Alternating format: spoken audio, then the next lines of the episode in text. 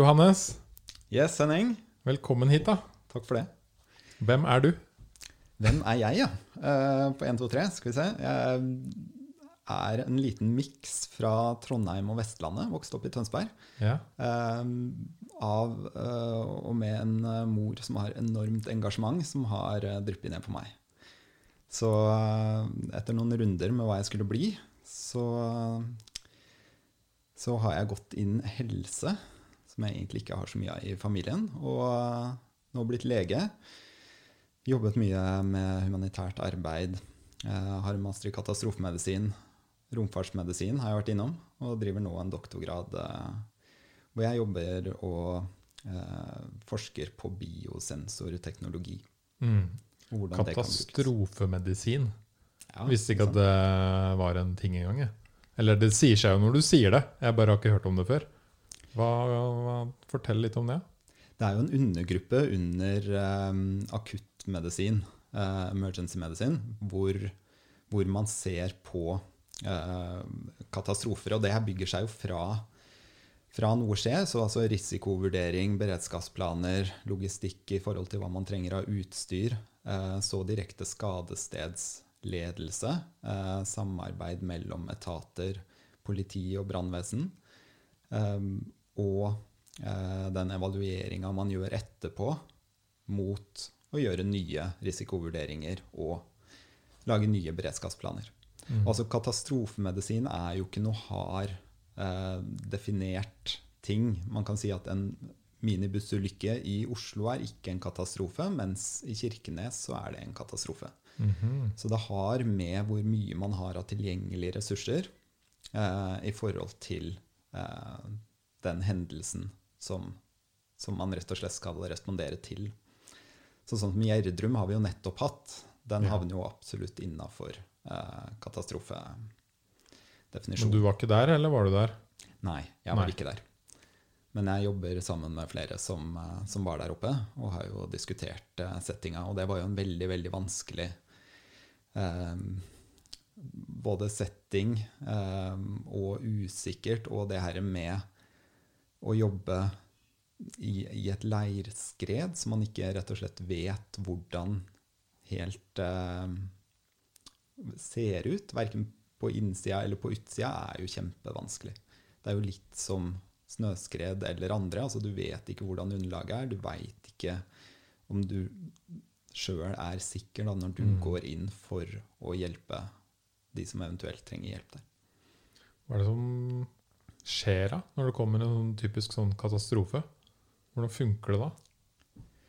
Eh, alarmsentralen er jo den som tar imot alle meldinger eh, som kommer inn, uansett om det har skjedd noe lite eller stort. Eh, så det er jo 113 her i Norge. Eh, så veldig ofte er det jo de som først får eh, meldinger om at noe har skjedd. Eh, og da gjør de en veldig rask vurdering når de forstår at det her er noe litt større, og slår rett og slett noe som heter katastrofealarm. Og da er det protokoller på det her, eh, på alle nærliggende sykehus, eh, hos brann og politi, hvor innsatsen som da skal, eh, eller som trengs til den hendelsen, eh, blir sendt inn veldig fort. Mm. Og da går det også en alarm ut til eh, et større nettverk. Og da snakker vi om Sivilforsvaret, Røde Kors og eh, støtte, støtteapparatet rundt, som gjør seg klar. Eh, og man trykker heller på den knappen en gang for mye, Ja, hvor alle gjør seg klar, enn å vente for lenge. Det er uansett en bra test. Det er jo det, ikke sant? Og øvelse og trening innafor det her er noe av det viktigste. Uh, og det er jo også mye av det vi hadde i, um, i den videreutdanninga som jeg har. Det er å sette opp og gjøre øvelser. Rett og slett for å føle litt på kroppen hvor vanskelig det er å jobbe i en sånn setting. Når uh, covid kom, var det en katastrofe? Hvordan var det innafor En, en pandemi er jo, eh, er jo en katastrofe, Ja. men det er jo Det kom jo litt mer sånn over tid, ikke sant? Det er nettopp det som gjør at uh, man tenker ikke på den akkurat det samme som et jordskjelv eller den type katastrofer, men uh, det er en langdryg, pågående uh, katastrofe med det vi nå kaller bølger. Um, som man også kan si på andre måter. Så vi har sett flere av de her, hvor man kan kalle det på en måte enkelthendelser også, da, eh, innenfor katastrofer, sånn som det var i Italia. Er mange steder i, eh, i USA. Eh, de har jo vært gjennom det i, i New York, hvor, hvor rett og slett hendelsen overgår det de har tilgjengelig av ressurser. Mm. Og man da ja, havner inn på den hvor man må gjøre det best mulig for flest mulig. Man kan ikke gjøre alt for alle. Og det er, eh, det er veldig tungt å jobbe med for de helsearbeiderne og eh, det støtteapparatet som jobber med det her, fordi du strekker ikke til. Du må gjøre eh, avgjørelser basert på at du klarer å hjelpe flest mulig, og de som har, har en sjanse, mens du må prioritere bort andre. Og det er litt det som ligger i den, og det, det er ikke noe man ønsker å jobbe i. Da. Det er derfor man ønsker å på en måte planlegge best mulig og ha protokoller, sånn at man ikke trenger sjøl å gjøre personlige avgjørelser der og da, men har en eller annen protokoll man jobber ut ifra, som gjør det lettere for hver enkelt. Mm. Ja, som du sier, da, planer holder jo alltid bare så langt. Men jeg kan se for meg at i en katastrofe så er det jævlig mange ting du ikke har tenkt på. Absolutt. Og tilbake igjen til øvelse. Det er det man trenger for å finne ut uh, de her tinga. Fordi det er som oftest uoversiktlig. Uh, man vet ikke helt hva som har skjedd. Man vet ikke hvor mange som er skadet, hvem, hva, hvor, hvordan, uh, og hva som trengs av ressurser. og man kan ikke eller som ofte så kan man ikke knipse med hendene og ha alt. Det tar tid å få ting på plass. Eh, Så øve på det her, eh, og forhåpentligvis treffe noen ganger òg, så blir man jo bedre. Og så er det viktig å lære av hverandre da, i hele verden. Eh, For vi har jo lite katastrofer her i Norge. Mens, eh, mens andre land har fler. Og f.eks. bussulykker har man mye mer av i Øst-Europa. Og det kunne man lært av i Norge, for vi har det veldig sjeldent, men vi har det. Og da ha en oppfriskning av på en måte rett og slett å lære rapporter og snakke med de kollegaene vi har uh, i områder hvor, hvor, ting skjer mer ofte. og også legge opp øvelser da, som ligner på faktiske situasjoner. Hmm. Er de øvelsene spennende å være med på, eller? Det er jo det. Under den videreutdanninga så hadde vi en kjempeøvelse eh, i Nord-Italia. For den utdannelsen var et samarbeid mellom eh, Brussel og Piemonte-universitetene. Eh, så det heter European Master in Disaster Medicine. Master in disaster. Rett og slett. Jeg håper det er det som står på CV-en. Ja, ikke sant? Ikke Master of Disaster. Mm. um, men da hadde vi en øvelse hvor de rett og slett hadde stengt av hovedåren, altså veien inn i, uh, uh, inn i den byen hvor vi hadde øvelsen, og en tunnel. og så hadde de én en tankbil. Det var to busser og tre privatbiler som var involvert i en ulykke inne i en tunnel. og det var rett og slett en ammoniakk tanker eh, som var eh, simulert i den øvelsen, med røyk eh, osv. Men før dere uh, Er det sånn at de fleste ikke visste om hvor og hvordan og hva som skulle skje? Ja. Ikke sant? Eh, vi var 28 studenter Ja. eh, som hadde forskjellige roller. Så eh, Italia hadde stilt med felt, eh, det militære feltsykehuset sitt med CT-skanner, operasjonshaller, isolasjonsavdeling eh, inn. Og så hadde vi 21 ambulanser, eh, hvor en del var militære med plass til flere senger, og så en del fra det lokale Røde Kors eh, og noen operative. Og veldig mye støttepersonell, eh, som også var frivillige og med. Og så var det ca. 120 eh, skadde som vi kaller markører, som da er som var medisinstudenter, de fleste, som har fått en historie og en rolle som de spiller i det her. For det, altså, det er jo et stort rollespill. Mm. Så vi satt da 28 eh, studenter med forskjellig bakgrunn. Eh, alle var leger, men eh, forskjellig sted i, i utdannelse. De fleste jobbet innen akuttmedisin. Og akkurat som du sier, hadde ingen anelse om hva som kom til å skje. Eh, Men vi visste at det kom til å skje noe, og spekulerte selvfølgelig i, i hva det kunne være. Men eh, vi visste ingenting når vi ble Ja, rett og slett eh, når katastrofealarmen gikk. Hmm. Og selvfølgelig samarbeid med brannvesen. De var inne, klarerte eh, tunnelen. Eh, gikk inn med sine romdrakter og, og sjekka alt av eh, luftforurensning og røyk.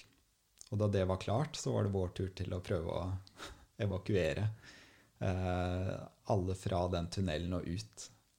Og mm, altså, grunnen til at man gjør øvelser, er jo for å finne feil. Og det, det var jo utrolig morsomt i den her. For altså, du ser jo alt som ikke fungerer. Og kommunikasjon er alltid et problem. Om det er mellom, eh, mellom to lag, kan man si, eller om det er mellom etater, politi, helsevesen, brannvesen, eh, eller om det er mellom sykehus og ambulansene som kjører inn, eller hva. Altså, det er, det er ikke så eh, veldig ofte at det går helt smertefritt. Så vi fant jo ut at vi ikke hadde kommunikasjon inne i tunnelen. Eh, fordi sambandet vårt var eh, basert på satellitt. Ikke sant? Så da var det å finne fram noen gamle walkietalkier og så prøve det. Og rett og slett eh, ha noen som løp fram og tilbake eh, i starten.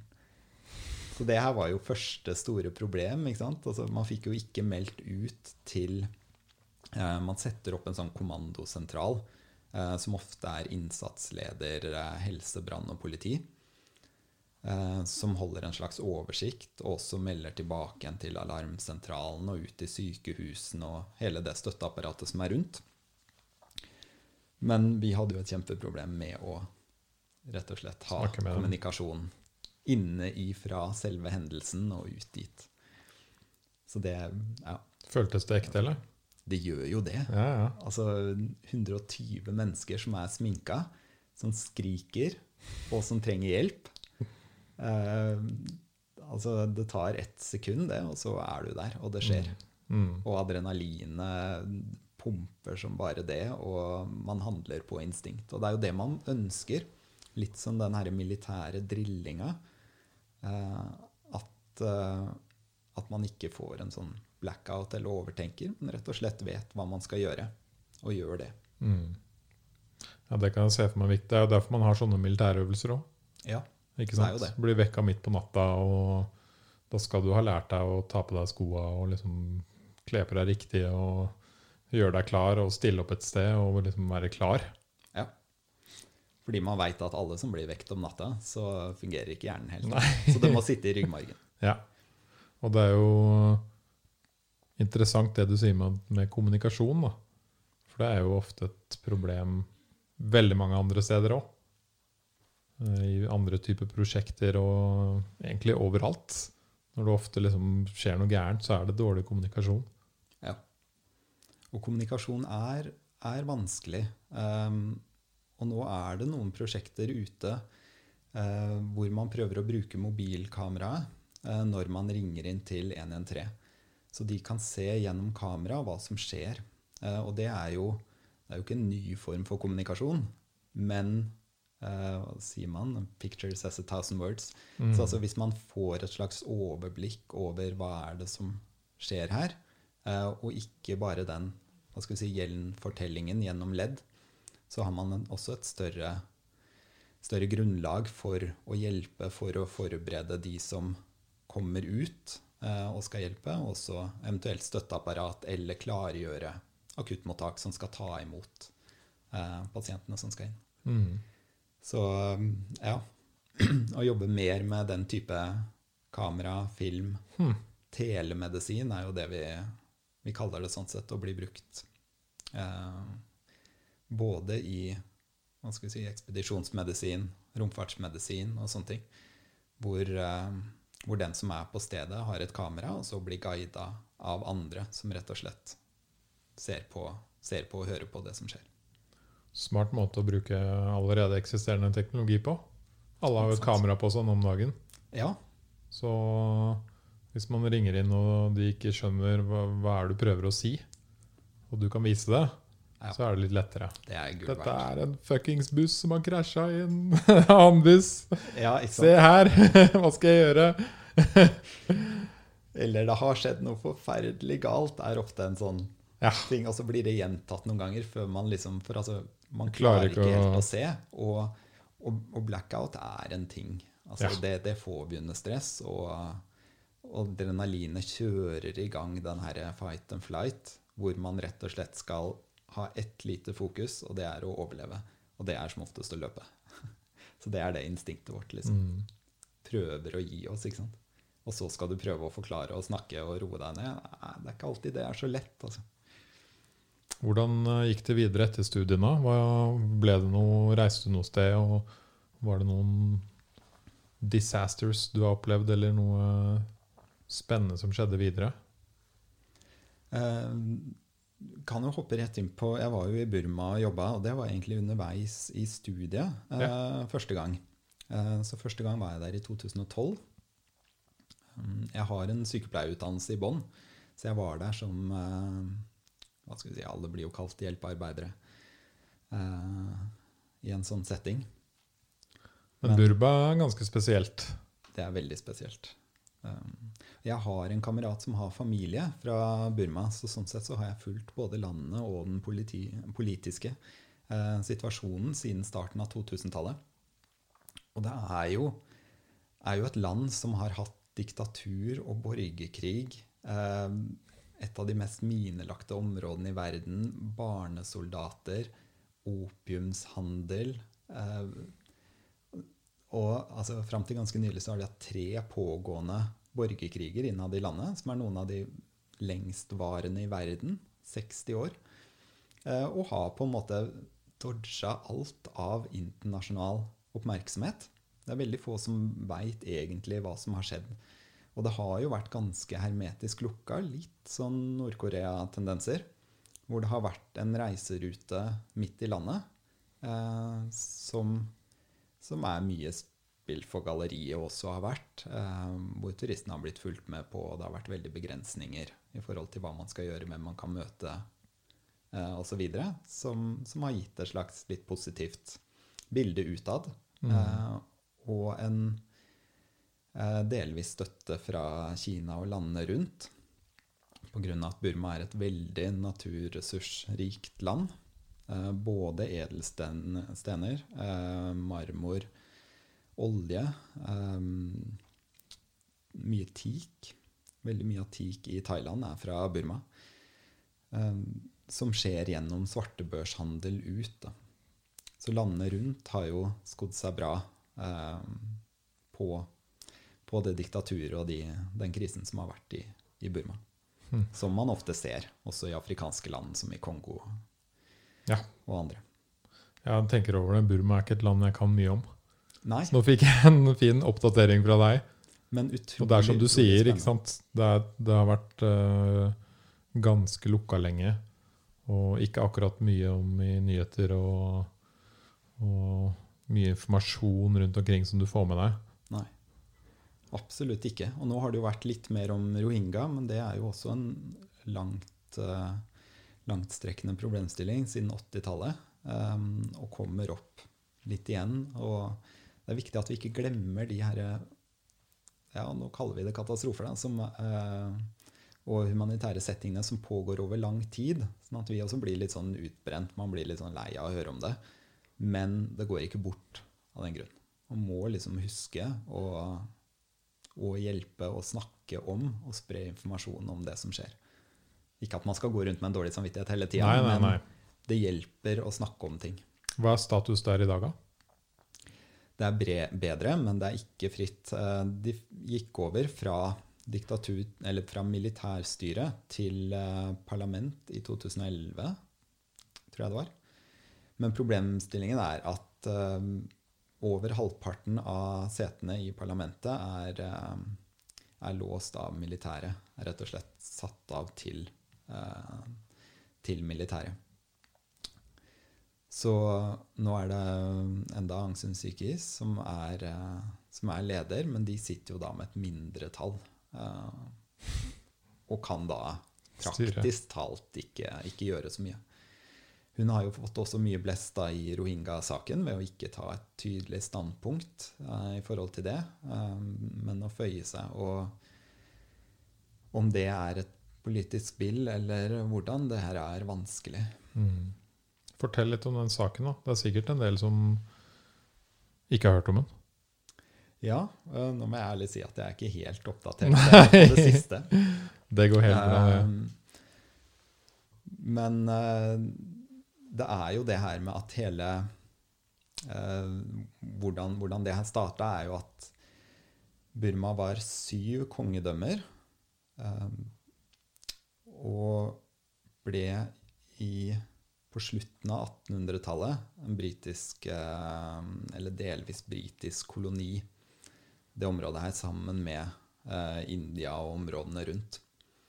Det britene gjorde, var å la de kongedømmene ha sitt eget skolevesen, militær um, og område, mens de på en måte hadde et overordna um, Hva skal vi si kontroll, styre, koloni. Altså, jeg får det til å høres fint ut, det var jo ikke det.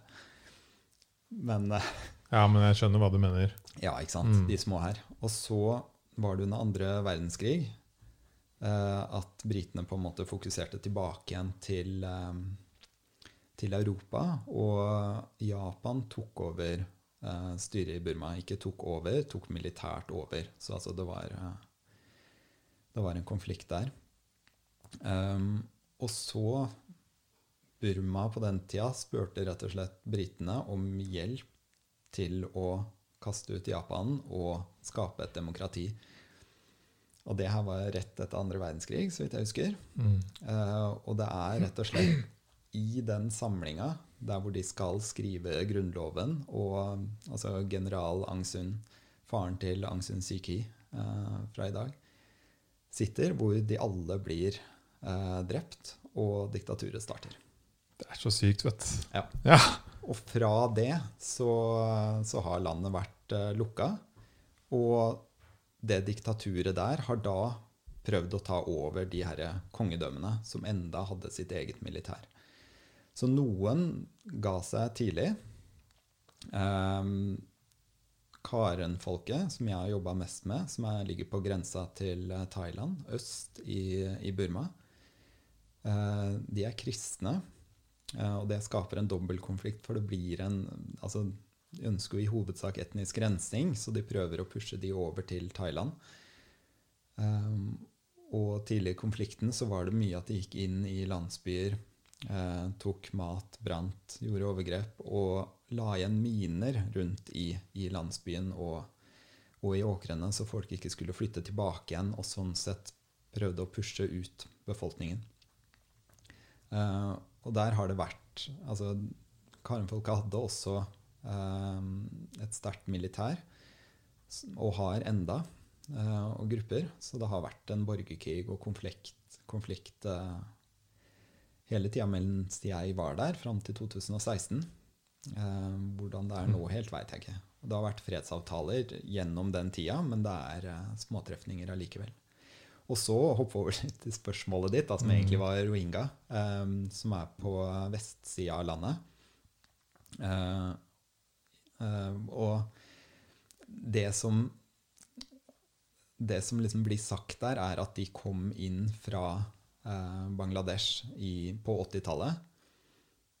Og, og dermed ikke har noen rett til statsborgerskap i Burma. Fordi de, de på en måte har kommet inn og hører ikke til. Men altså, det er ganske enighet blant historikere, og altså, man ser hvordan området er satt opp, at det er ikke saken. Altså, jeg var der i 2014, var det vel? Og da var det borgerkrig? Når Da, du var der, eller hvordan var det Nei, for de har blitt veldig segregert i leire, eh, Ja. de her eh, rohingya. Eh, så de bor Veldig få av dem bor i byene. Så jeg var i Sitwe og um, Rock-O, eh, som er den gamle hovedstaden i Bengal, det gamle Bengalriket. Um, men altså, jeg fikk ikke lov å leie sykkel engang for å sykle rundt. Eh, veldig sånn begrensa. Og folk var veldig var så tydelig redd for å snakke om det her og diskutere det um, åpenlyst, da, fordi de har den herre følelsen at det er spioner rundt, og det er det mulig det er i dag også.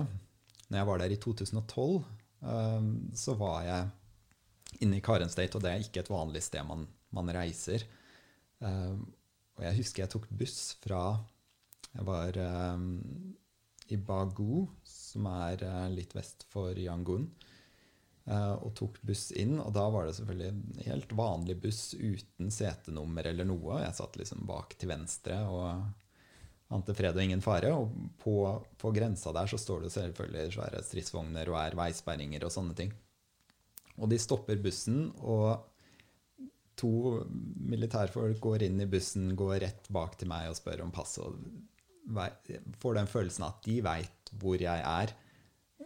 De veit akkurat hvor jeg sitter, de veit akkurat hvem jeg er. Og de skal liksom bare poengtere at vi veit hvor du er. Vi veit hvor du sitter. Vi følger Det- med. Ja. Det er den følelsen jeg sitter igjen med. Hvordan, hvordan så det ut og sånn der, da? Altså, Det er jo et veldig fattig land på den måten at befolkningen har ikke hatt mye pengeflyt. Så det er jo et enormt, eller altså veldig, veldig rikt land med, altså som jeg sa, med naturressurser, men pengene har eh, rett og slett gått til styret, eh, som har brukt det på gullpagoder, altså, og eh, fine biler og palasser og og det her, og militær. Eh, mens befolkningen, eh, veldig mange, lever under fattigdomsgrensa eh, på et par dollar. Men har det nødvendigvis ikke så dårlig for det. For altså, det er jo selvfølgelig markeder og mat og et veldig frodig land. Men områdene er veldig forskjellige der. Og hatt en kjempeboost de siste åra. Ja. Det er helt klart. De siste ti åra så har det, har det skjedd veldig mye. Så det er et land som trenger, trenger støtte. um, både for å komme på rett kjøl. uh, mm. Men hvordan var det å jobbe med medisin der? Jo, jeg var på grensa da, til Thailand, hvor, um, hvor det er, ligger en del flyktningleirer. Uh, I hovedsak for uh, det her Karen-folket, men det er også andre som kommer inn der. Så den største uh, Det var på Matao klinikk, som jeg var, som ligger ved Eller ikke så langt fra Mala eh, flyktningleiren, som hadde ca. 50 000 når jeg var der. Eh, som var oppretta på slutten av 80-tallet. Så når jeg var der første gang i 2012, så var det, så var det på en måte voksne, voksne folk som aldri hadde vært utenfor, utenfor den leiren. Hm. Så en del av Det er sprøtt å tenke på. Ja, det er helt, helt man, merkelig. Man, når man kommer på å høre om sånne historier og reiser til noen steder, så husker man også hvor sykt heldig man er som har vokst opp her. Og bor her. Ja, virkelig. Den kontrasten eh, er, er helt enorm. Så Matau Clinic er eh, Det er på en måte hakket over en uh, jungelklinikk, men veldig, veldig enkel eh, allikevel. Um, og en del av pasientene kommer da fra leirene som er rundt, og så er det en del som er immigrantarbeidere som jobber inne på Thailands side og kommer til klinikken, og en del som kommer over grensa, som enda bor, bor i Burma. Jeg må presisere at jeg bruker Burma mye her, men altså navnet i dag er jo Myanmar. Um, men jeg har blitt litt sånn innprinta med det, for det er også litt i samme historien. De bruker det inne i eh, flyktningleirene, og veldig mange av de som er mot styret. Eh, og det har en morsom historie, fordi landet het jo Myanmar tidligere, og så var det britene som eh, satte inn navnet Burma. Så det er jo naturlig å kalle det Myanmar igjen, men i og med at det ble gjort uten folkeavstemning og av diktaturet som var, så har det en bismak for de fleste. Mm. Så det er ikke noe feil med navnet Myanmar, men det er måten det ble gjeninnført på. Um, nei, så de fleste kommer ja, enten innenfra eller, eh, eller bor i området. Og når jeg var der, så var jeg på traume- og kirurgiavdeling, eh, som ligner mest på det vi kaller skadestue eh, her i Norge. Som ikke er store operasjoner, eh, og sånne ting, men mer mindre, mindre skader. Eh, veldig mye infeksjoner. Eh, noe beinbrudd, armbrudd, mye hundebitt. Det var veldig mye løshunder eh, Mm. rundt i området. Er det sånne hundeflokker da? Ja. Ja. Det er jævlig. jeg har blitt jagd av de av og til, i forskjellige land jeg har vært i. ja. Da Og hvis man eh, med en gang Jeg bodde jo i India et år. Ja. Der var det noen sånne hundegjenger. Mm. Og så bodde jeg med en som var livredd for hunder. Så sa jeg det er det aller verste du kan være når du møter en hundegjeng. Ja. Det er å være livredd. Mm. Altså Med en gang de ser du er redd, så er det sånn, da har de full tilgang til å plage deg og bite deg. Og Ja, ja. Og de ser det med en gang. Ja. jeg husker han fortalte han lå på stranda en gang. Så kom det én hund, og så kom det fem, og så plutselig var det 15 hunder eller noe sånt som sto og liksom ved han. Som til slutt endte opp med å løpe ut i havet. De visste ikke hva annet han skulle gjøre, han var alene. Og så måtte han stå og vente der til det kom en sånn uh, halvfeit, god inder med en sånn pinne som jagde dem bort. Ja. Så det er, men hundebitt, det Ja. Man skal være forsiktig med de hundene, og ikke vise frykt. Ja, og holde det. seg unna. Og så er det ofte å se etter den ene som er lederen Ja. i gruppa, og så liksom stirre og prøve å psyke ut den. Med en gang den blir litt redd eller backer ut, så går alle de andre. Ikke sant? Alfa male, eller alfa dog. Ja, Mm. men det er jo det. Og det er alltid en av de, uansett om det kommer flere til eller, eh, eller noen går. Det er en som, Mm. en som holder. Men Det er- er det, er det mye sykdommer der som vi på en måte har utrydda i Norge? Hvis du skjønner? Ja, det er det absolutt. Altså eh, Det mest opplagte er jo Eller mes- meslingutbrudd har vi jo litt av enda, men det, det kommer innimellom der. Og det er eh, ikke pent, fordi det rammer jo barn.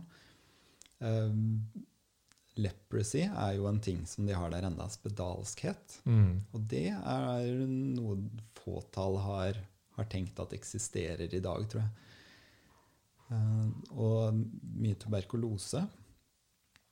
Eh, der hadde vi også noen caser med multiresistent tuberkulose. Um, og når man snakker om multiresistent, så er det jo det at antibiotika ikke biter på. Man bruker jo flere typer antibiotika over en veldig lang tid for å behandle tuberkulose.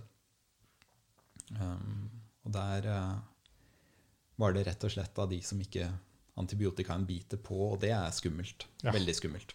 Det ser man jo blant andre sykdommer også i dag, med, med den store bruken vi har av antibiotika. Ja, spesielt i de eh, Jeg vet ikke hvordan det var der, da, men i India så knaska de jo Knaska de jo alt mulig piller hele tiden. Ja. Og det er jo det her som skaper resistens. Ikke sant? Eh, at det blander seg med tarmfloraen vi har, og de bakteriene som skal naturlig bo og holde kroppen vår i gang. Så Men når de gjør oss syke, for det er jo de også som kan gjøre oss syke, så, så har de utvikla motstand mot den antibiotikaen vi har brukt før. Hva var det sjukeste du så der, da? Det, de hadde en praksis med å injisere kokosnøttolje eller palmeolje i penis, Nei. rett og slett. Og det her er noe jeg aldri hadde hørt om. Kokosnøttolje i The Holy Dick. Rett og slett. Ja. Rett og slett. Ja, man kan ikke si noe annet. Nei. Eh, rett og slett sprøyta inn med um, en vanlig sprøyte og nål eh, lagt i Altså det legger det i ytterste delen av huden, subkutant, som vi sier, altså rett under huden. Så det er ikke på en måte helt inn i inni, penisen. eh, men legges rundt for å gjøre penis tykkere. Ja. Så den ser større ut. Og det her Jeg tror jeg var helt målløs, litt som jeg blir nå òg. Litt sånn satt ut første gang jeg så det her der nede. Og skjønte ikke hva det dreide seg om, eller hva var det her? Um, Altså, for det, det kom inn karer, da, ja. som rett og slett sa de hadde Altså, kan de engelsk? Veldig mange kan engelsk, De kan siden det var en uh, britisk koloni. Ikke sant. Så har uh, veldig mange av den generasjonen skjønt hvor viktig det er, og lært den yngre generasjonen også. Så de eldste snakker engelsk, omtrent alle. Mm. Og veldig mange Veldig mange. nå. Tilbake til uh, Dicken, Mm. holdt jeg på å si. De kom inn til deg, eller uh, var det én, eller var det flere som eh, vi hadde de jo inne over en viss periode, eh, for det er jo en ganske omfattende behandling for det her. Men ca. én i uka som kom inn. En i uka? Ja. Så altså, når jeg så den første, så får man jo en følelse av at det her, det her kommer jeg til å se nå, og aldri mer. Hva sa de da? Nei, altså, de, de heva jo ikke et øyenbryn, de som jobba der. Det var jo også litt sånn rart, men så tenker man jo kanskje at det er litt tabu, og man skal ikke snakke om det, for det ligger også litt i, eh, i kulturen og i lufta, at uh, det her er noe som skyves litt under teppet. Alt som gjelder med seksualitet, uh, genitalier og liksom Ja, det snakker man ikke så mye om, og blir litt sånn skyvd unna. Hvor mye sprøyta det inn? Det varierte veldig. Ja. Eh, Men det er på en måte altså, Jo, mengden har noe å si, men det har det problemet at det granuliserer. Dvs. Si at det blir sånne bobler eh, omtrent, som blir, som blir hardere eh, Ja. i huden der. Så det er ikke bare å snitte opp eller trekke ut igjen med, eh, med utstyr. Man må rett og slett eh, fjerne all huden rundt penis, eh, og så transplantere ny hud fra låret. Og det er den prosedyren vi rett og slett gjorde der. eh, på en trebenk eh, med minimalt eh, med utstyr. Én i uka. ja, Sleng deg, sleng deg trebenken. Rett og slett. Um, Men uh, tok de det Altså sprøyta de det inn langs hele? ja, ofte i flere remser, kan man si. Mm, sånn, uh, Så hvis man ser på fingeren sin, da, så kan man si at man liksom legger inn en sprøyte rett under huden, langs. Og så mens man drar den sprøyta sakte ut, Ja, så sånn, sprøyter man inn. mellom litt- huden og på en måte Ja, svamp, svamp, svamplegemet er jo det som er på innsiden. Ja. Så det er ikke helt inn der, men rett og slett rett under huden. Og så gjør man det i flere strimler rundt, sånn at det blir litt sånn jevnt. Men så er det det at når det granuliserer og litt sånn underveis òg, så har kokosnøtt og palmeolje og også Det blir kalt parafinoma fordi eh, det er en parafinblanding. Eh, noen steder bruker de også en silikonblanding til det her. Eh, mye av det har en tendens til å hardne og bli hardt. Eh, og da skape en slags betennelseseffekt som både kommer og går litt, og også setter i gang altså fibrosedannelse rundt, som blir sånn type stram strikk, da, kan man si, i. Som både klemmer av Hvordan skal jeg si det? Altså, jeg tenker jo at Du sier jo at dette er folk som på en måte, De er ikke vant til å snakke om seksualitet og penisen sin. Så de kom sikkert ikke til deg før det på en måte var gått ganske langt. Nei, det er, eh, Nei. det er nettopp det. Så, og det var jo det som ble det store spørsmålet her òg, da. Altså ser vi, ser vi kun de som får problemer, eller får alle problemer og kommer Ja. eventually? Er det noen som fikk det til, liksom?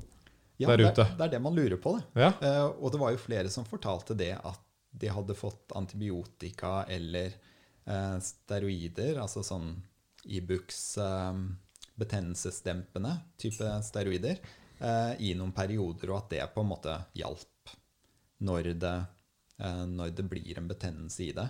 Og så blir det greit på en måte etterpå. Eh, men det var, det var andre gang jeg var der, da. Så kom det to i uka. Da kom da, det to i uka. Ja. Og da hadde jo jeg en jeg hadde mentalt forberedt Hvor lenge etter var det, ja? Det var i 2014, så det var to år etterpå. Og da hadde jeg mentalt forberedt meg på at uh, her er det mennesker som har rett og slett gjort noe dumt. Um, for det var Det er litt sånn de gjorde på nachspiel og uh, en omreisende type helseperson, men ikke helseperson, som gjorde det her. Uh, og det kosta litt òg, så det var eh, Det var en en dårlig ting. investering. Ja. Og så går det dårlig, og så forteller de alle vennene sine og andre at det her må du ikke finne på å gjøre. Så jeg var ikke forberedt på at det skulle være fler. Så jeg kommer da tilbake igjen eh, og ser at det er enda flere, og skjønner på en måte at det her, det her må vi gjøre noe med. Her må vi opplyse både på en måte det medisinske rundt at det her er en ting. For da var det veldig, veldig lite medisinsk dokumentasjon på det her. Noen case-studier. Og case-studier er på en måte studier som kun beskriver altså en person Ja. eller en, en hendelse, og følger den, så typisk én pasient. Eh, og, og veldig få som på en måte beskrev noe helhet av det. Det var en studie fra en thailandsk fiskebåt, husker jeg, og et fengsel eh, i Vietnam, tror jeg, hvor det her hadde blitt en ting. ikke sant? Og så tenker man at ja, det er veldig isolert. Men det vi så, var at folk kom fra forskjellige områder, både inne i Burma og eh, burmesere som bodde i Thailand. Så det var en liten trend. Ja, det, det ga inntrykk av det Ja. rett og slett. Um, så jeg satte i gang en studie rett og slett da, for å få oversikt over hvor mange som kom til klinikken, hvilke problemer hadde de, uh, hvor kom de fra, og aldersgruppe. Uh, og så å se på, for det var noen vi også ga uh, antibiotika og steroider for å se om det roa det ned. Gjerne de som hadde litt mindre eller ikke store problemer. Funka det? Det funka veldig bra. Ja. Eh, Vi snakka om det på forhånd rundt på klinikken og tenkte vi får kanskje med et par hundre eh, over en periode på fem år. 680 pasienter fikk jeg inkludert. Wow.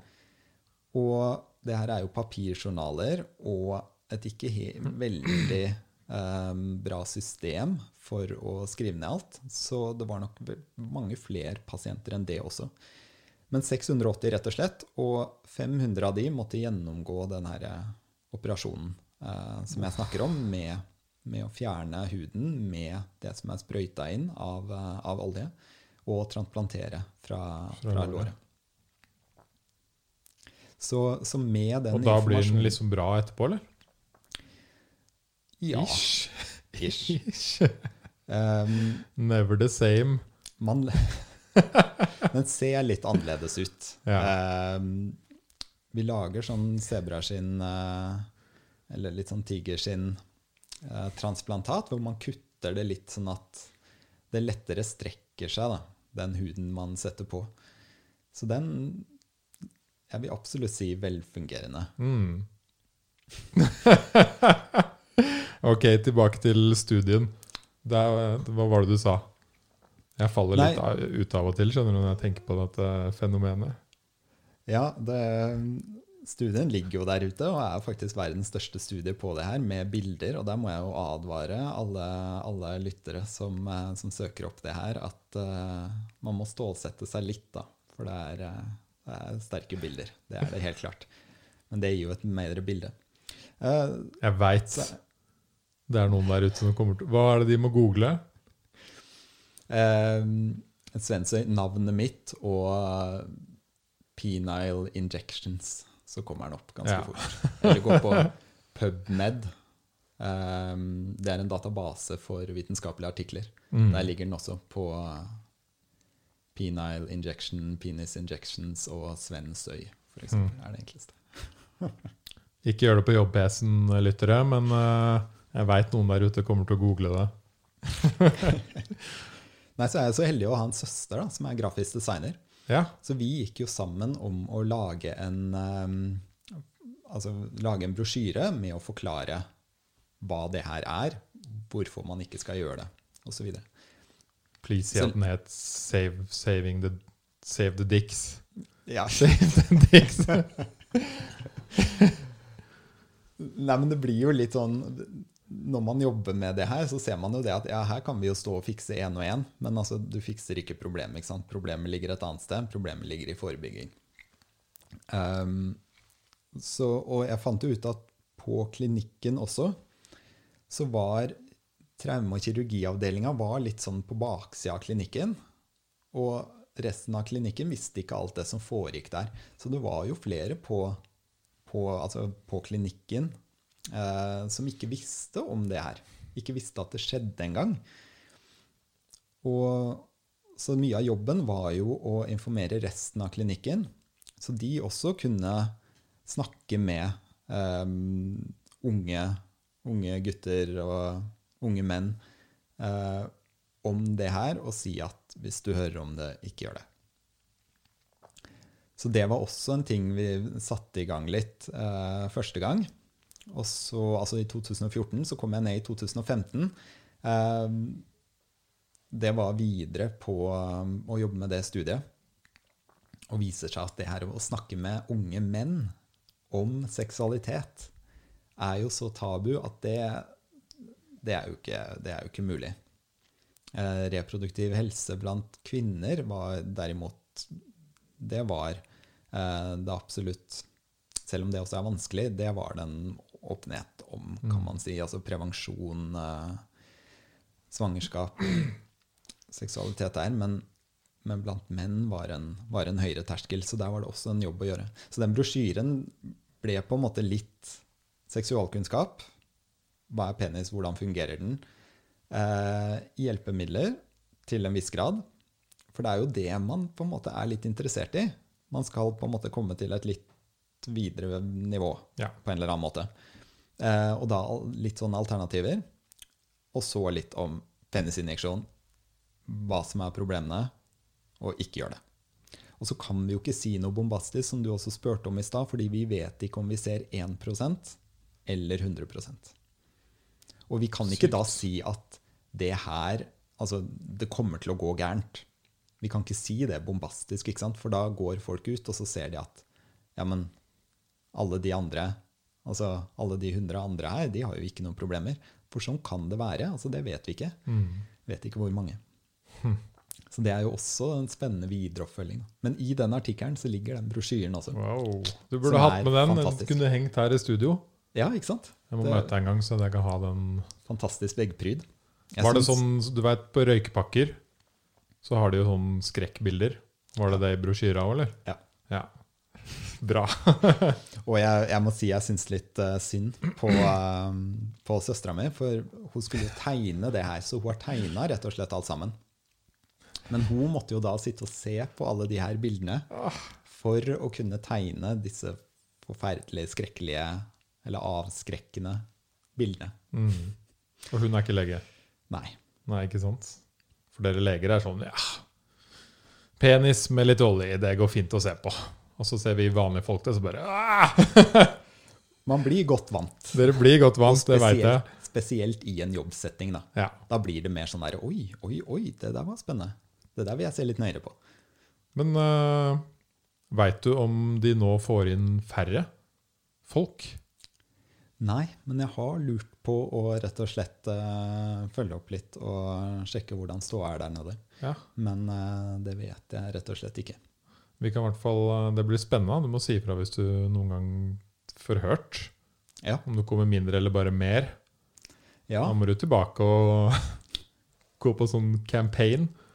ja ikke sant? Jeg veit at den brosjyren, brosjyren brukes Så der ute. Så bra jobba. Ja, det er veldig gøy. Mm. Det er veldig tilfredsstillende når man gjør noe sånt. For det er jo derfor man gjør forskning veldig ofte, fordi man ønsker at det skal skape en forskjell. Um, Altså Det er liksom en sak som man Når jeg hører den, så må jeg kødde litt med den. Ja, ja, helt klart. Selvfølgelig. Altså, det er jo absurd. Men samtidig har du gjort en vanvittig god jobb. Så det er konge.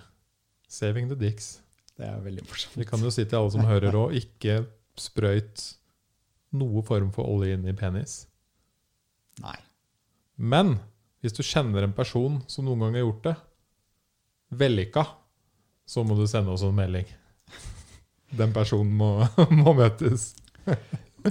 Altså, det, det er noen i body modification-miljøet, eh, jeg vet ikke her i Norge, men i andre land som bruker en form for reabsorptiv olje, som altså tas opp av kroppen, eh, som gjør lignende. Eh, litt som de her eh, donut heads, som får sånne ringer i, i panna. Eh, som også liksom glir ut og, og blir borte da, etter en liten stund. Eh, så, så det er det faktisk folk som gjør. Og det, jeg skal på ingen, ingen måte oppfordre til det her, Nei, nei, nei. nei. men uh, ja. Altså, jeg skjønner, eller jeg skjønner ikke det heller, da. Men liksom, ok. Du pumper inn noe her, så får du litt større biceps. Mm. Eller du liksom tar en piercing eller tatovering eller et eller annet. Men å kødde med the holy one, det skjønner jeg ikke at folk tør. Risky business. Ja. Og i hvert fall ikke på nachspiel. Med en eller annen sånn litt luguber eh, kar som bare Give me some good cash. Ja. Nei. ikke, ikke en god idé. Var det typisk sånn det skjedde? Altså på kvelden med gutta boys Samla rundt Samla på en På en liten fest, og så turte de å fortelle deg hvor de hadde gjort det, liksom? Nei, Nei, det er er det som er problemet. Så jeg fikk jo noen små drypp her og der eh, om at det var en på et hotellrom som på en måte man booka tid hos og gikk til. Og noen som gikk sammen flere, da, og så kom han hjem og så gjorde det. Hm. Eh, men hvordan det egentlig foregår og sånn, det, det veit jeg ikke nok om. Og det hadde vært utrolig spennende, men vanskelig jobb, da. Både fordi det her er vanskelig å snakke om, Ja. Eh, Det er jo egentlig ikke noe eh, Altså når de søker helsehjelp, eh, så er jo det her en selvpåført prosedyre, eller skade, da, kan man si. Så, så man må betale for det selv. Ikke sant? Det er ikke dekket av om man har forsikring. Det er ikke dekka av det offentlige helseapparatet. Og det er jo derfor mange kom til oss, og kanskje også derfor at flere kom eh, etter hvert. Rett og slett fordi Jungeltelegrafen sier at her er det noen som behandler denne tilstanden gratis. Um, så ja, altså få noen til å fortelle om og på en måte fortelle om hele saken hadde vært råspennende. Hadde jeg drevet og lagd dokumentarer, eller noe sånt, så hadde jeg jo gått rett, rett på det. Funnet han derre luringdoktoren og intervjue noen av folka. Ja, ikke sant? Hva er motivasjonen? For altså, vi har lurt litt på det òg. Og eh, seksuell stimuli er på en måte Kanskje til en viss grad, men jeg tror det er like mye Eller fikk inntrykk av at det var like mye den derre maskulinitetsfølelsen. Rett og slett at den ser større ut i dusjen eller når man er ute. Altså vise fram at den ser større ut. Hmm. Men det Dette var nytt for meg. Dette var nytt for meg. Ja. Veit du om det skjer andre steder i verden? Det gjør det. Det gjør det, ja. Eh, I Sørøst-Asia, og også eh, Det er beskrevet i USA også, blant noen grupper. Og så er det jo veldig, veldig få nok rundt eh, i de body modification-miljøene, men at det også er noe, noe av det her. Men vi ser det jo lite i helsevesenet, rett og slett fordi det er selvpåført. Eh, sånn at de går til altså andre instanser først da, og prøver å få fiksa det Ja.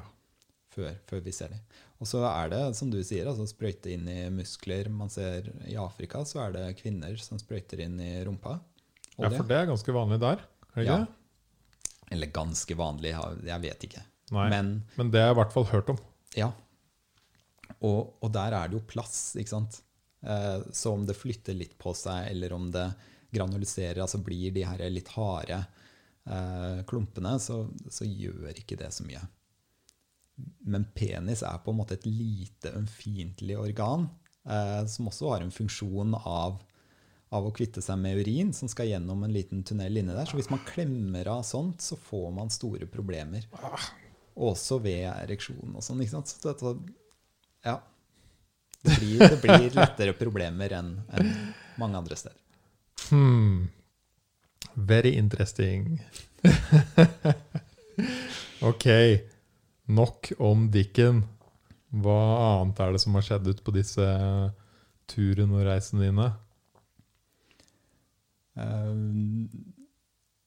det, det er, her er jo egentlig en liten bit av den klinikken, men nå høres det ut som alt har dreid seg om det. Den forskninga har selvfølgelig gjort det, men altså, vi ser jo mye dengue og malaria og alt mulig. Og så har vi også reist litt inn i Burma og gjort noen behandlinger der. Eh, så altså, den klinikken her er, er råbra og gjør en kjempeforskjell eh, for de som, de som bor der nede. Mm. Det må, hvordan føles det ja? å dra dit og gjøre sånn jobb? Det er eh, for det første veldig, veldig lærerikt. Eh, For når man jobber i helsevesenet her i Norge, så har man jo et støtteapparat og uendelig, holdt jeg på å si, nesten, da, med, med midler i forhold til å ta prøver, eh, sjekke ting, diskutere med kollegaer. Um, mens, mens der nede så jobber man med lite utstyr, lite mulighet til billeddiagnostikk. Vi hadde, vi hadde et ultralydsapparat, vi hadde ikke mulighet til røntgen eller blodprøver. Så vi hadde mikroskop som vi brukte for eh, um, blodutstrykk eh, og for å se etter malaria um, og noen tilstander. Eller så blir man rett og slett eh, Man blir god på klinikken. Mm. Og det vil si, altså, når vi snakker om det kliniske blikket, ikke sant? å se på pasienten og da få en følelse av hva som er galt, um, så er klinikken for oss det er å ta og kjenne på og se. uh, og snakke med pasienten og det man får ut av det, før man bruker å begynne, bru, altså, ta noen prøver eller undersøke med utstyr. Så det blir man veldig god på der. Og det kan man noen gang bli litt, uh, altså, bli litt dårligere på, eller glemme litt, i Norge. Mm. Fordi man sitter der rett og slett med en haug med bilder og en haug med blodprøver med en gang. Og så eh, gjør man mye av avgjørelsen, eller diagnostiseringen, da, på, på grunnlag av det. Mens der nede, altså vi hadde jo vi hadde jo beinbrudd, og så hadde vi ikke mulighet til å ta røntgen, så man blir, må rett og slett kjenne seg fram eh, i forhold til både hvor beinbruddet er, eh, og hvordan man skal prøve å få det på plass. Eh, der, der brukte vi jo strekkbehandling, eh, som man nok kan se på noen gamle bilder fra Norge òg, hvor man ligger i en seng eh, og rett og slett eh, har beinet i strekk da, for å dra ut den forkortningen som ofte skjer ved et brudd. For altså, da vil jo eh, skjelettet på en måte knekke, og så går ofte bitene litt sånn inn på hverandre. Mm. Og så må man strekke ut bein igjen, sånn at det legger seg på plass, og da gror ordentlig. Menneskekroppen er helt sykt uh, fascinerende. Ja, og det fungerer jo, da. Ja. Altså helt eh, sånn gammeldags strekkbehandling fungerer. Huh. Så det er utrolig mye spennende eh, man må se der. Men så er det det der med å improvisere da, med det man har av utstyr og av tilgjengelig eh, ressurser rundt. Så jeg husker vi lagde noe astma eh, Sånne inhalers eh, av brusbokser eh, ved rett og slett skjære hull eh, og sette ned den her lille boksen med medisin. Og så pusta man gjennom flaska. Oi. Og også gåstoler av, eh, av rør, plastikkrør, som vi fikk fra en eh, lokal eh, rørlegger. Skikkelig MacGyver Doctors. Det blir jo det, altså. Ja, ja. Og det, jeg syns jo det her er kjempegøy, ikke sant? hvor man kan dra litt sånn kunnskap fra andre fag og uh, tenke kreativt og hmm. finne løsninger. Så fett. Eh, litt tilbake til det du sa om teknologi og sånn. da. Det kommer jo så mye kul helsetech. Det har kommet mye. Det kommer helt Jeg satt og så på TED Talks her om dagen. Uh, Mm. den ene var jo om det at man kan Og det kommer jo til å komme nå, at man kan printe organer. Ja, Det er jo klart. helt vilt. Ja. Og den andre var uh, neste nivå som kommer nå av uh, hvor man rett og slett lager hele Altså ny arm eller nye bein, eller hvor man også kan føle det som skjer i beinet. Det er sjukt, altså. Det er helt sinnssykt. Ja. Og det er den ene slutta jo med en, en dame som hadde vært i en på en, var et eller annet sted hadde sprengt, i hvert fall. Mm. Hun var en danser, så Mm. hele benet hadde blitt sprengt bort. Det ene. Mm. Og det var disse som hadde kommet lengst i verden om å lage bein og armer. Og det avslutta selvfølgelig TED-talken med at hun dansa akkurat som før, med det beinet. Det er utrolig, altså. Ja. Og da hadde de uh, leid inn en profesjonell danser, Mm. og så hadde en datamaskin stått og skanna hun i et Jeg tror hun hadde dansa liksom noen timer hver dag i et år for å få nok data til hvordan funker egentlig dans i foten. ikke sant? Ja, ja. Og så lærte opp denne, ben, denne bendelen da, til hvordan dans funker, og så kunne hun danse. Shit. Det er helt sprøtt. Det er, det er så utrolig, det der. Ja. Det er så fett. Men uh, litt av poenget mitt, eller det jeg skulle fram til, da, det er jo at uh, jeg håper jo at uh, denne nye og bedre teknologien som kommer etter hvert, faktisk vil gi leger mer tid til pasienter. Ja. Det er jo det jeg håper. Og det, det håper jeg òg. Og det kan man jo si både er et politisk fokus Mm. innafor det her. Om eh, For det blir jo dyrt igjen da, å ha leger til å bare snakke med pasienter. Eller eh, om de bare blir bytta ut med maskiner som kan diagnostisere og, og rett og slett gjøre mye av jobben. Og det, det gjelder jo ikke bare leger, det gjelder jo veldig mange yrker. Veldig mange. Um, Men det du sa i stad, som du kunne gjøre der i Burma, det kan jo ikke en maskin gjøre. ikke sant? I hvert fall ikke de neste 20 årene. Altså se på følelser og hvordan ser personen ut? Hvordan oppfører han seg? Hvordan den lukter, og hva er det som kunne ønske jeg kunne si eh, at det kan aldri en maskin gjøre, men eh, Etter hvert kan så, det, selvfølgelig. Ja, for Mm. det er jo det her med alle de spora vi legger eh, det Social dilemma, ikke sant? Mm. Jeg vet ikke om du har sett den? Jo. Og hvis en maskin har tilgang til den dataen, så vet jo den hvem du er, og kan da i et split second si om du er unormal eller ikke i det øyeblikket du kommer inn døra. Og ut ifra det også eh, finne altså den lille tingen, og da sikkert helt ut ifra mimikk eller bare språket eller tonen på, eh, på talen din, si om du er deprimert eller ikke.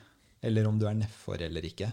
Og, og tolke følelser litt som vi, det vi kaller intuisjon i dag, som ikke helt kan forklare det og magefølelse, men som rett og slett er basert på en hel haug av eh, informasjonspunkter som vi tar inn gjennom sansene våre. Altså vi ser, som du sier, lukter, hører, eh, og tar inn en hel masse i på en måte underbevisstheten som kvernes sammen og gir oss den herre Og alt du har lært.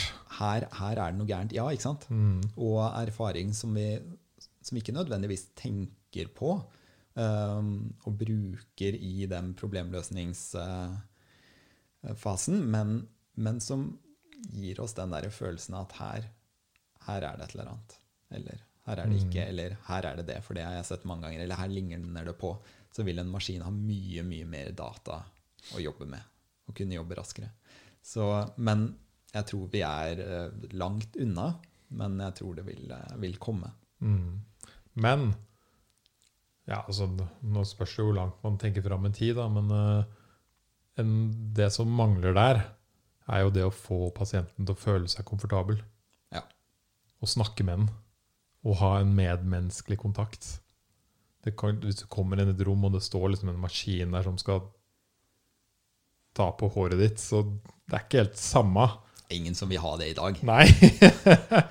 ha en maskin som passer på bestemora di på sykehjem. Eller bli passa på sjøl på sykehjem av en maskin. Nei, vi vil ikke det. Det er derfor jeg tror den, det er en sånn midtpunkt, da. Ja. Hvor, det hvor du får det beste av de to verdener. Helt og klart. hvor på en måte maskiner kan gjøre det de er flinke på. Og så kan vi gjøre det vi er flinke på. Og så er det jo som du sier, da, i lang skal vi si, Langt fremtid. Fram i tid. Uh, om vi begynner å få maskiner hjemme, og så mye maskiner hjemme, at, eh, at barn blir, blir vant til å ha maskiner rundt. Ja. Allerede nå så snakker vi jo med sonosystemene våre, med Alexia og Siri. Eh, og vi vet ikke hvor vanlig det her blir for den generasjonen som vokser opp i dag. Rett og slett å ha en samtalepartner som er en maskin. Det blir sånn Siri, bestill en ny nyre. Print. sier, Print. En ny nyre. Jeg har litt vondt i siden her. sier Siri at eh, nei, du har strekt en muskel, du trenger ikke en ny Mm. nyre. Her printer jeg litt medisin til deg, og så kommer det ut av en mikrotypelignende maskin på kjøkkenet, og så tar du den. Mm. Det blir vilt spennende å følge med, i hvert fall de neste årene, hva som skjer. Men uh, det er jo mye ting som i hvert fall kan hjelpe til uh, hjelpe mennesker med sånn som jeg snakka om. Printe ledd og deler og Det er ganske amazing at det går an. Det er helt utrolig. Det er det virkelig. Og eh, som du sier med proteser, vi hadde jo pga. at det var mye miner eh, i området, så var det jo veldig mange som hadde proteser der nede. Og der var det jo eh, Altså, man lagde en plastikkfot, og så hadde man eh, et trebein eh, som, som man prøvde å få lignende til, til, andre, til den andre leggen. Ja, Det er noe Så- annet enn den videoen jeg så. Ja, ikke sant? Man kan ikke danse med den. Og, men det gjorde på en måte at veldig mange kunne gjøre noe eh, arbeid på, på gården eller eh, eh, i åkeren, men på en måte ikke kan ikke danse. Du kan ikke tilbake igjen til, til det du pleide å gjøre. Så det er helt utrolig hva vi, hva vi får til og kan gjøre der. I den videoen så var det en dame som hadde fått to bein. To robotbein. Eller proteser, eller hva vi nå skal kalle det. Også av denne nyeste teknologien. da. Mm. For først, Det var første gang hun prøvde det, og de filma. Så hun reiste seg opp og bare Selvfølgelig begynte hun å gråne, gråte som bare det. Bare, wow, det er helt sykt. Og så sa han bare tenk, bare tenk at du skal begynne å gå. Som om Bare tenk det, liksom. Sånn funker hodet ditt. Bare tenk at du skal begynne å gå. Og så bare begynte hun å gå. Og hun bare Wow, det er så akkurat som å ha ekte bein igjen. Bare wow. Og så ble hun helt sånn satt ut. Og så sa han snu deg rundt og tenk at du går i oppoverbakke. Fordi beina går jo annerledes ikke sant? når du går i oppoverbakke. Du bøyer dem jo. Ja. Så de må forstå det òg. Og da bøyde hun seg forover. Så at beina liksom skjønn... Altså beina og tankene dine henger sammen. da. Det er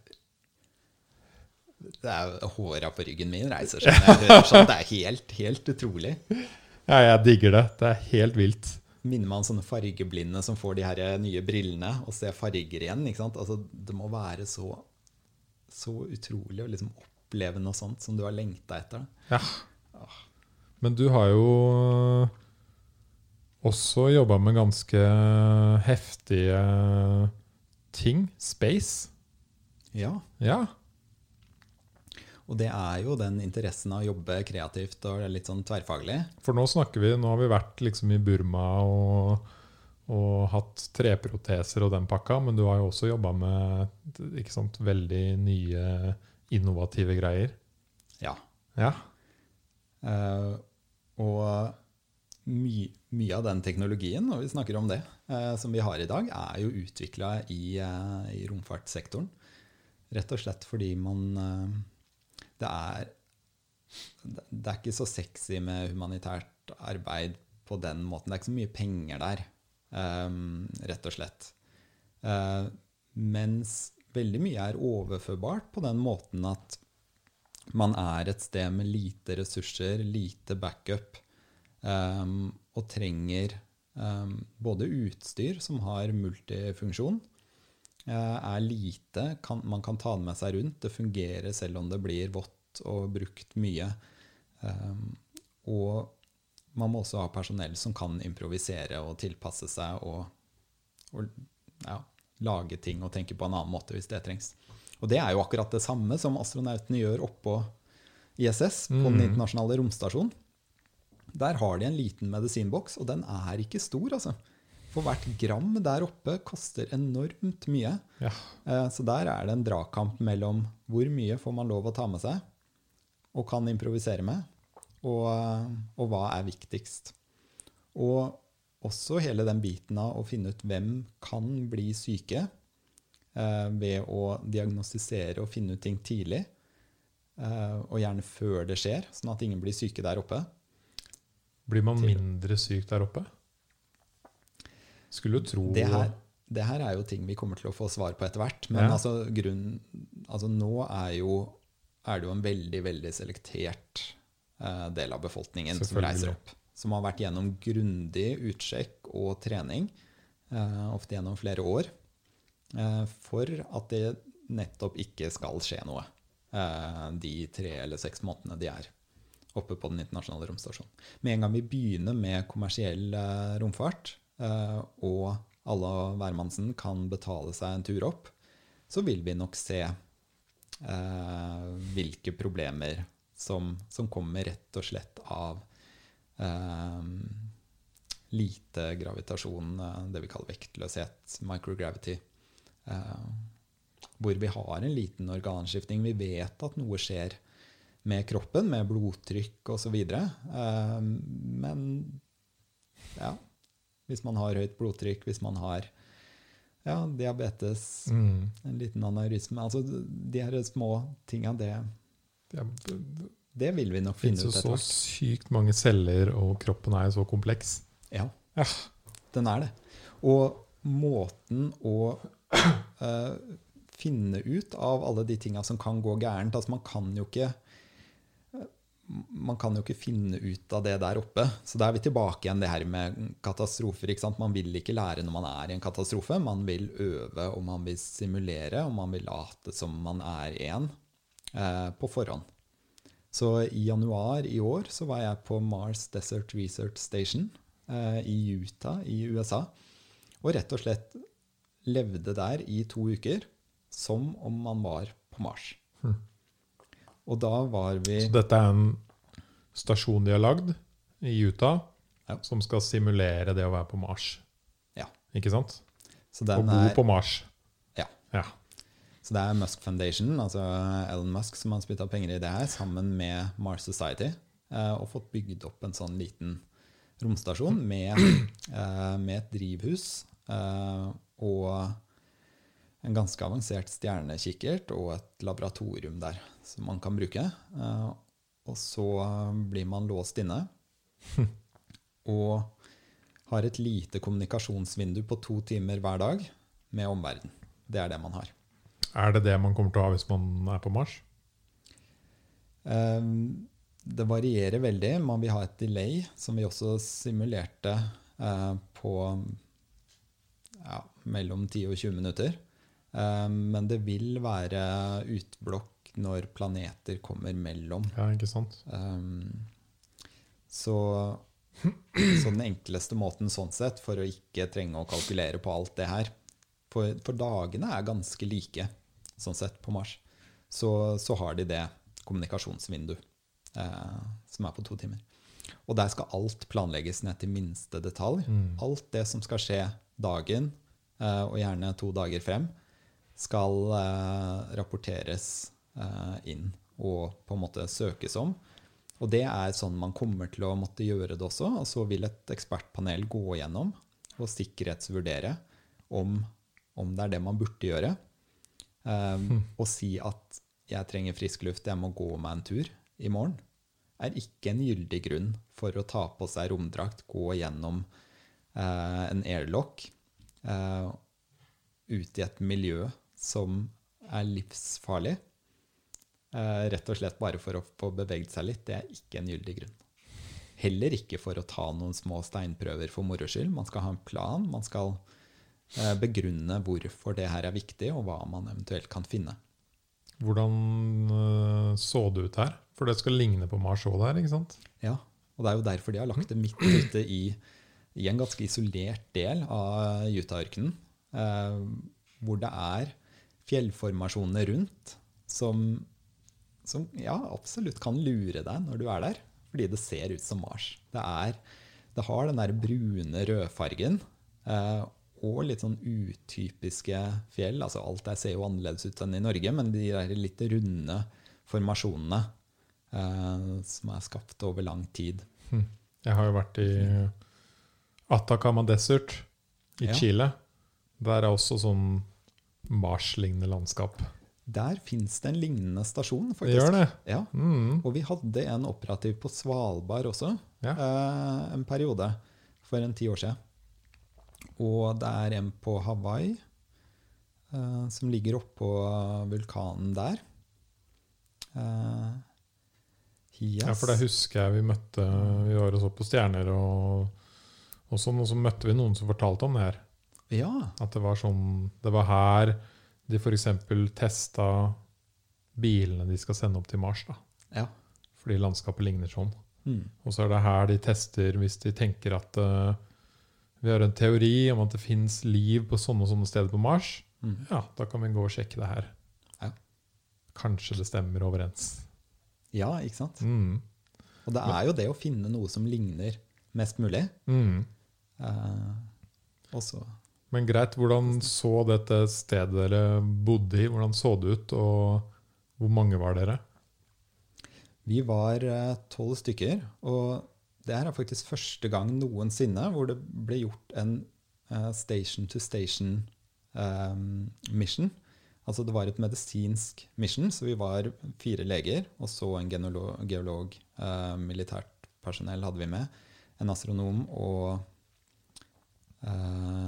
to ingeniører, en flyver, annet, en geolog. Så vi var tolv stykker eh, men fordelt på to stasjoner, som var litt spennende. Så vi bygde opp en stasjon utenfor eh, og kjørte da en simulering med at en utstasjonert gruppe, eh, som man nok ofte vil ha, som enten driver med drilling eller boring eller leting, fordi altså det å bevege seg ute er, er noe man kommer til å prøve å unngå. Eh, Så man kommer til å ha mindre stasjoner i det området da, hvor, man, hvor man skal leite eller utforske, eh, istedenfor å trenge å bevege seg over lengre områder. Så vi hadde én utstasjonert, og så én gruppe som var i denne stasjonen. Så den, ut, ut, den basen vi bygde opp, var um, på en måte telt uh, i eh, sekskanttelt. Det her blir litt vanskelig å forklare, men, Ja, ja. Uh, men ligna på en slags lang romstasjon. Da. Det vil se, eller se litt sånn ut. Mens uh, den som er der fast, det er en toetasjes uh, Hvis man ser for seg litt sånn Mummitårnet Mm. som en litt sånn eh, futuristisk uh, sølvfarga Hva skal vi si tårnaktig ting, så er man ganske nærme det det ser ut som. Mm.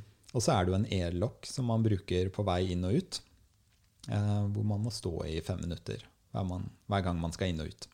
Så du får skikkelig feeling av å være på Mars. Man gjør det Uh, veldig, veldig raskt. Eh, og noe av det man på en måte, man, Det er jo et slags rollespill, så man må jo gå inn i den her, men det gjør man, gjør man ganske raskt.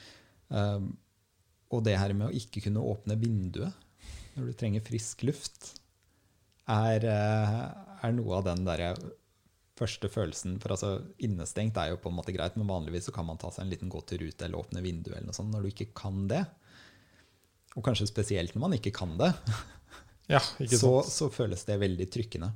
Og så er det også psykologien med å være innestengt blir også veldig, veldig raskt eh, trykkende. Og det tror jeg alle har opplevd mm. eller følt litt på nå. Så det var jo litt absurd at det her var i januar. Ja. Eh, og det var faktisk der vi hørte om eh, covid eh, for første gang. Da. Det var i en liten, enda rarere. liten by i Kina. Eh, tenkte ikke så mye mer over det, men det var en av de nyhetssakene vi på en måte fikk oversendt da, i, i det her kommunikasjonsvinduet. Um, men hvordan, um, hvordan gruppedynamikken endrer seg fra Vi møttes noen dager før, eh, alle sammen. Og så ble vi telt i to grupper i hver stasjon. Og så liksom begynner eh, begynner å jobbe, da, kan man si. For det er et ganske intensivt program, og vi kjørte det eh, som astronautene bruker når de trener for å simulere hvordan det er på romstasjonen. Og da, da, er det veldig intensivt, selv om noe av det på en måte er det vi også kaller space wellness, som går litt på sånn avslapning, mindfulness og sånne ting. Rett og slett fordi det er lite stimuli. Så for å holde, uh, holde hjernen i gang. Men man er på en måte alltid sammen. Det er veldig liten plass. Uh, og mye er frustrerende. Det er mye å gjøre, det er mange rapporter å skrive. Det er mye som skal planlegges. Mange driver egne forskningsprosjekter. Uh, jeg også hadde med meg flere prosjekter. Man skal lære hverandre ting. Og så skal man rapportere ut hvordan alt det her fungerte.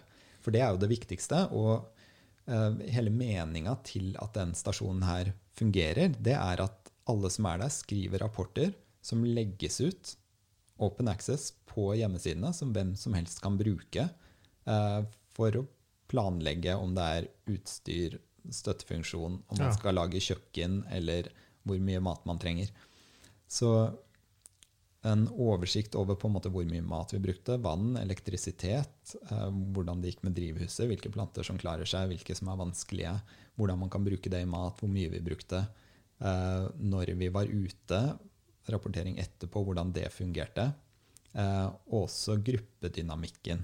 Altså hvordan har man det? Og en del sånne psykologiske spørreskjemaer som vi fylte ut hver dag. Trente dere, eller? Ja, ja, vi gjorde det også. Um, og der er det jo litt begrensa hva man får gjort der inne. Um, og ofte mer sånn yogaaktig mm. gjorde vi, da. Og der er det jo litt etter hva man er vant til fra før, men altså, det vil jo være mye viktigere hvis man er ute lenger. Ja. Vi fokuserte ikke så mye på den biten siden det var to uker. Nettopp. Hvordan ble psykologien da til gjengen? Nei, altså, vi, vi hadde krangler og klinsjer fra dag tre. Rett og slett. Folk gikk i tottene på hverandre av frustrasjon. Um, og, og, det her er jo vanskelig. Noen var mer vant til å bli satt sammen med en gruppe de ikke kjente, um, på liten plass. Altså, du får ikke noe sånn self-space, kan man si. Altså, du får ikke trukket deg tilbake. Uh, kan du liksom anslå hvor mange kvadratmeter sånn ish? Ja, det er nok en 70-80 kvadrat hele, hele, greia, tenker jeg. En 40 kvadrat i hver etasje. Ikke sant? Sånn cirka. To små leiligheter, da. Ja. Rett og slett. Og mye av inngangspartiet nede er bare lagring av utstyr og romdrakter og uh, ja, toalett, dusj og eloks, rett og slett. Så det er den uh, overetasjen som man liksom bor i. Uh, og der sitter man og er og jobber ganske oppå hverandre, rett og slett. Er det stress å ta på seg sånn romdrakt, eller? når man skal ut på mission? Det, vil, det er jo mye mer enn det vi hadde, men vi lagde en uh, protokoll hvor, hvor, man tar på seg Og det er jo Selv de vi brukte der, må man jo ha hjelp til å ta på. Man må ta på i en spesiell rekkefølge, uh, og noen må sjekke at alt fungerer, at alt er kobla til. også sjekke på forhånd at alt fungerer, sånn at man ikke tar det på. Og så er det noe som ikke fungerer, så må man ta det av igjen. For altså, mm. det tar tid. Mm. det her. Men det er jo selvfølgelig en mye mer omstendelig prosess oppe på ISS når de skal gjøre IVS og, gå, og, gå, ut. Um, det må være det sykeste noen gang å oppleve å liksom henge på en sånn maskin, et spaceship, og se ned på jorda. Ja. Åh, jeg får uh, gåsehud av å tenke på det. Rett og slett. Ja. I fritt fall. I fritt fall. For de faller jo på en måte. Altså, de har jo en ja, alt beveger seg jo i en enorm fart, ja. ja. Nei, det er helt, helt utrolig. Jeg kan ikke forestille meg. Uh, men det her er jo veldig Og selv om det kanskje er noen du ikke liker så godt, ikke klikker så med, så må du samarbeide. Du må være tett på dem, og du må hjelpe, og du må være en god kommunikasjonspartner. Og det her er jo vanskelig å Det er ikke så lett å finne den perfekte gruppa. Så det er mye av det som jobbes med her. Eh, og på ISS så er det et veldig sånn jobbmiljø, kan man si. Altså det er jo et stort laboratorium, eh, så der fungerer det fordi folk er der i tre til seks måneder for det meste. Eh, men med en gang vi skal reise til Mars eller være lenger på månen, så er det viktig at det er en gruppe som fungerer sammen, og at hvert enkeltmenneske også da, er av den personen som, som ikke går høyt og lavt. Altså det er eh, Gro eh, Melhem, tror jeg, i, i Bergen har jobba litt med seleksjon av astronauter og sier det her at, eh, at de ser etter de som er litt følelsesmessig flate, rett og slett. Ja, Og uh, litt introvert. ikke sant? Det er ikke, det er ikke de her flyverne, de gærningene, Ja, da tar det som, tid før jeg blir uh, som var før. Før jeg får tatt turen. Vet du hvor lang tid det tar å dra til Mars, eller? Husker du det? Hva er det nå? Det er Det er jo forskjellig, tenker jeg, når på året eller når man drar. Ja, Det er det selvfølgelig. jeg tror det er rundt et halvår. Et halvt år. Um, ja. Vi sier det. Jeg husker ikke helt. Det blir spennende å høre Slå det opp. på de første som drar dit. Mm. Veldig. Det er jo usikkerhet. Um, men er det? nå er det jo 30 dager til Perseverance, uh, den derre um, den nyeste lander. Når sendte de denne? Jeg husker ikke. Det kan hende det er kortere tid òg. Men det her vil jo eh, bero mye på hvor langt teknologien har kommet, og hva vi bruker. Eh, og det er jo veldig spennende med den raketten til Elon Musk nå. Ja. Eh, som nok vil gå raskere enn det vi har i dag. Ja, og det at han kan lande de og gjenbruke de, og det er helt vilt. Du møtte ikke han? Nei. Nei. Det hadde vært tidenes selfie, det. Ja, jeg tror han er en travel mann, Ja, det tror jeg. rett og slett. Men har jo drevet verden så langt framover. Ja, det er helt vilt. både innen rommet og, og bil og solcelle og i det hele tatt. Ja, og som du sier, han er jo veldig Han vil dele alt. Og det er- helt Det er en helt ny og riktig måte å tenke på, da. Det er det. Og selvfølgelig skal han jo drive business som alle andre, men eh, når, når han kjører på den måten og ønsker, i hvert fall i en del prosjekter, samarbeid og videreutvikling for menneskehetens beste, så er det ja, utrolig. Mm. Og vi ser jo det nå også, ikke sant? under korona, hvor raskt, hvis vi samarbeider, hvor raskt vi klarer å få til ting som før tok enormt lang tid. Ja. Så hvis vi bare slår hodene våre sammen, så er det utrolig hva vi kan få til. Og det er jo det romfart er litt symbol på òg, ikke sant? Russland, Kina og USA samarbeider. Ikke sant? Og astronautene, alle astronautene, eller fram til nylig, da, i hvert fall, kom ned i Kasakhstan. Mm. Altså, Det går an. ja, på kryss og tvers av politikk og alt. Så det går an. Når de er der oppe, så tenker de nok ikke så mye på de tingene De rare tingene vi styrer med her nede. Nei. Nei. Vi bare får ut litt gærne ledere. Ja, ikke sant? Nå er det en på vei ut i dag, da. Ja, Ja. det blir spennende, og jeg krysser fingrene for at det går eh, fredelig for seg. Ja. Det må vi ta og sjekke ut når vi er ferdig her. Ja. Du, Johannes. Tusen takk for at du eh, kom på besøk. Det har vært kjempehyggelig. For noen historier du har å dele. Det er superinteressant. Vi kunne sitte her i dagevis, vi. Ja, det er det jeg veit. Hvis noen vil eh, sjekke ut uh, dette Space-programmet, hva må de google da? MDRS, altså Mars Desert Research Station, eh, er det ene. Og så er det et annet prosjekt som jeg er med i, som heter Project Possum. Eh, Som holder til i Florida, som driver med parabolic flights. eh, Altså her hvor man flyr, flyr opp og ned for å simulere vektløshet. Mm. Eh, og de driver med forskning altså i upper mesosphere. Så det kan man sjekke ut.